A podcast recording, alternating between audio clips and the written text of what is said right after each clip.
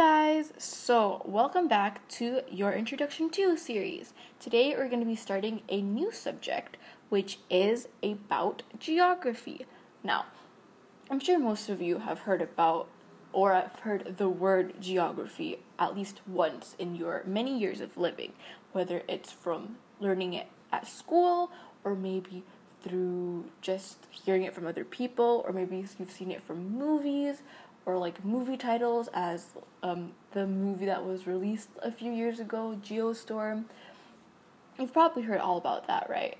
And today I'm going to tell you about what exactly is geography and why it is important to learn about it.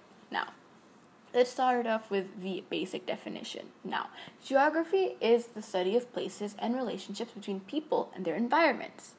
So basically, it's our Earth, since we're humans and this is the planet that we live on. Now, geographers explore both the physical properties of the Earth's surface and also the humans living in it, the human societies that have spread across this Earth.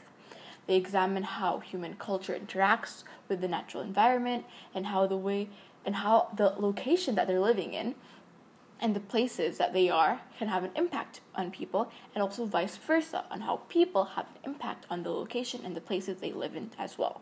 Now, geography seeks to understand where things are found, why they are there, and how they develop over time. Now, let's like take it back to the word geography. The word geography comes from the ancient Greeks, who needed a word to describe the writings and the maps that were helping them make sense of the world in which they lived in. Now, in Greek, geo means earth, and graphy means to write. And so when you uh, combine them together, they means writings about the earth.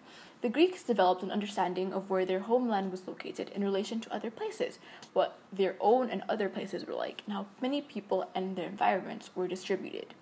These were concerns of geography ever since. But of course, the Greeks were not the only people who were interested in geography and also the world that they live in. Throughout human history, most societies have sought to understand something about their place in the world and the people and the environments around them. Now, one of the many one of the big parts of geography is cartography, which is the um, study of map making and the ancient Greek geographers were particularly influential. They developed very detailed maps of areas in and around Greek, including parts of Europe, Africa, and also Asia. More importantly, they also raised questions about how and why different humans and natural patterns came into being on the Earth's surface, and why variations existed from place to place.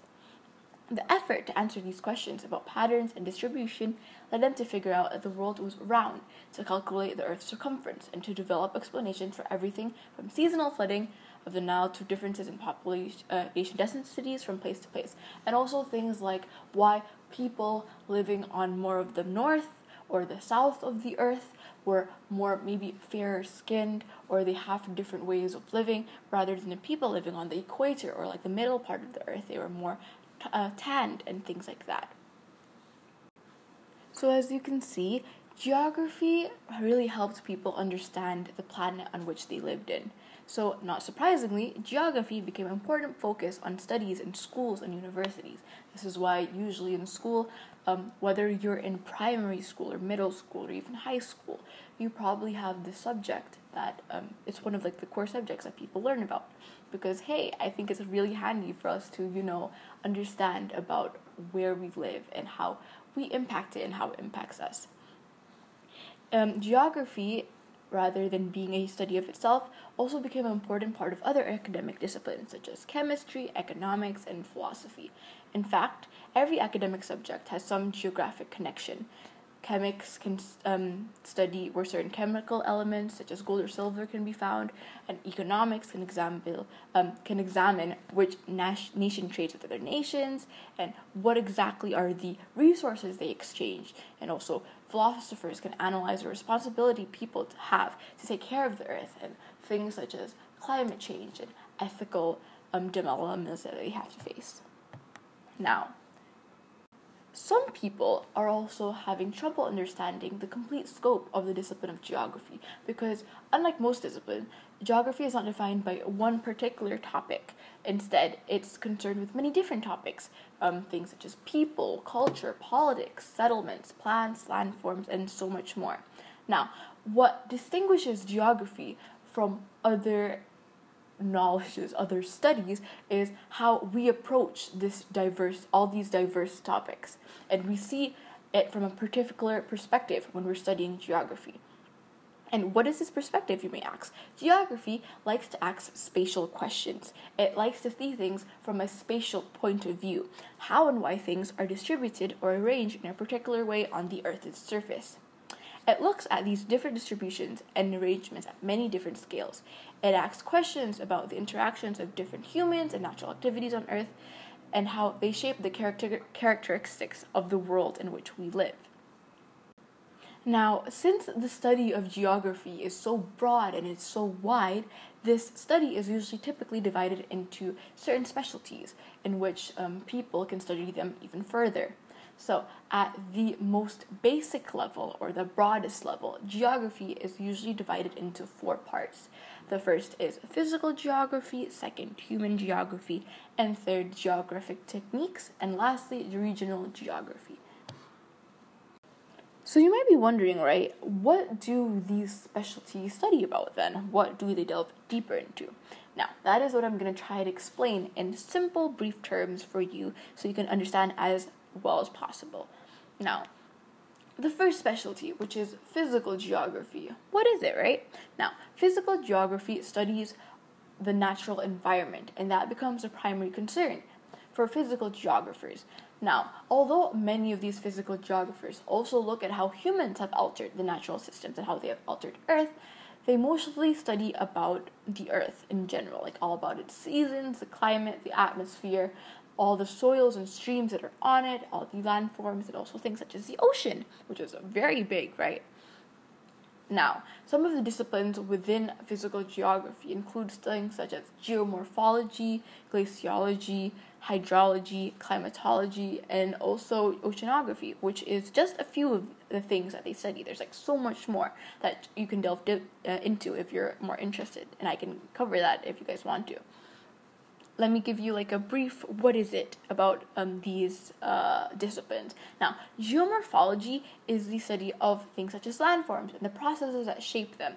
Geomorphologists investigate the nature and impact of things such as wind and ice rivers erosions earthquakes volcanoes living things and other forces that have a part in shaping and changing the earth's surface while on the other hand, glaciologists focus on the Earth's ice field and their impact on the Earth's climate because um, they document the properties and the distributions of these glaciers and these icebergs. Another study is hydrology, which you can take from the word hydro, which is the study of Earth's water, about all its properties, distributions, and effects. Hydrologists are concerned especially with the movement of water as it cycles from the ocean to the atmosphere and back to the Earth's surface. One of the main things that we have learned that concern hydrology um, throughout our primary education is probably the water cycle, right? And how um, rain will fall into streams and lakes and soils and also underground aquifers. Another study is climatology. Climatology, um, which is taken from the word climate, studies the Earth's climate system and its impact on the Earth's surface, which is, well, pretty common sense, right? You just take these words and you add tology to it. Funny joke, right? But um, yeah, and lastly, the thing I'm the last discipline that I'm gonna explain is oceanography, which then again, oceans, right? This study focuses on um, the physical geography that studies creatures and environments of the world's oceans. It observes the ocean's tides and currents, and that has constituted some of the first oceanographic ex- um, investigations. And that is um, the first specialty that I will cover. Second off, we have human geography. So, what does human geography cover? Human geography is concerned with the distribution and networks of people and cultures on the Earth's surface. A human geographer might investigate the local, regional, and global impact of rising economic powers in China and India, which represent 37% of the world. Human geographers also study how people use and alter their environments. For example, how people allow their animals to overgraze a region and how the soil erodes and grasslands are transformed into deserts. This is the impact of overgrazing on the landscape as well as the agriculture production, which is an area of study for human geographers. Now, human geographers also study about how political, social, and economic systems are organized across the geographical space. These include governments, religious organizations, and also trade partners. And these are the boundaries of these groups that constantly change. The many divisions within human geography reflect a concern with different types of human activities or way of living. Some of the examples of human geography include urban geography, economic geography, cultural geography, political and social geography, as well as population geography. These human geographies um, human geographers will study geographic patterns and processes in the past times, which are part of the subdiscipline of historical geography. These who study how people understand maps and geographic space belong to a subdiscipline known as behavioral geography. And that is what the second specialty studies about. On to the third one, which is geographic techniques. Specialists in geographic techniques study the way in which geographic processes can be analyzed and represented using different methods and technologies. Probably one of the most um, basic of these geographic techniques is map making, or in better terms, cartography. Cartography has been an instrument to geography throughout the many ages, and it has evolved throughout the ages as well, from the traditional writing stuff on paper to all the very advanced technology that we have today to make the maps that we have today, such as like Google Maps and Waze, which is which are really cool if you think about it, right? As of today, almost the entire surface of the Earth has been mapped with remarkable accuracy, and much of this information is available instantly on the internet. One of the most remarkable of these websites is one that I've mentioned before, which is Google Earth, which also leads us to Google Map. And it lets us fly anywhere on Earth to view satellite imagery, maps, terrains, 3D buildings, from the galaxy into outer space to the canyons of the oceans. And all of these technological developments during the past 100 years have given rise to a number of other specialties for scientists studying geographic techniques. And that is pretty much a brief description of what the third discipline studies. Lastly, let's talk about regional geography. Now, regional geographies take a somewhat different approach to specialization. They direct their attention to the general geographic characteristics of a certain region. A regional geographer might specialize in African studies, observing and documenting the people, nations, rivers, mountains, and other attributes of that continent. There are different ways you can define a region. You can look at the climate zones, you can look at the culture zones, or even the political um, regions. But often, regional geographers have a physical or human geography specialty as well as this regional specialty. And that is pretty much all of the four basic disciplines of geography. Now, let's all come back and let's conclude this entire episode, right, of the, our introduction to geography. Now, whether geography is thought of as a discipline or a basic feature of our world, developing and understanding the subject is so crucially important. Some grasp of geography is essential as people seek to make sense of the world in which they live in and understand their place in it. Thinking geographically helps people to be aware of the connections made among and between places and to see how important events are shaped by where they take place.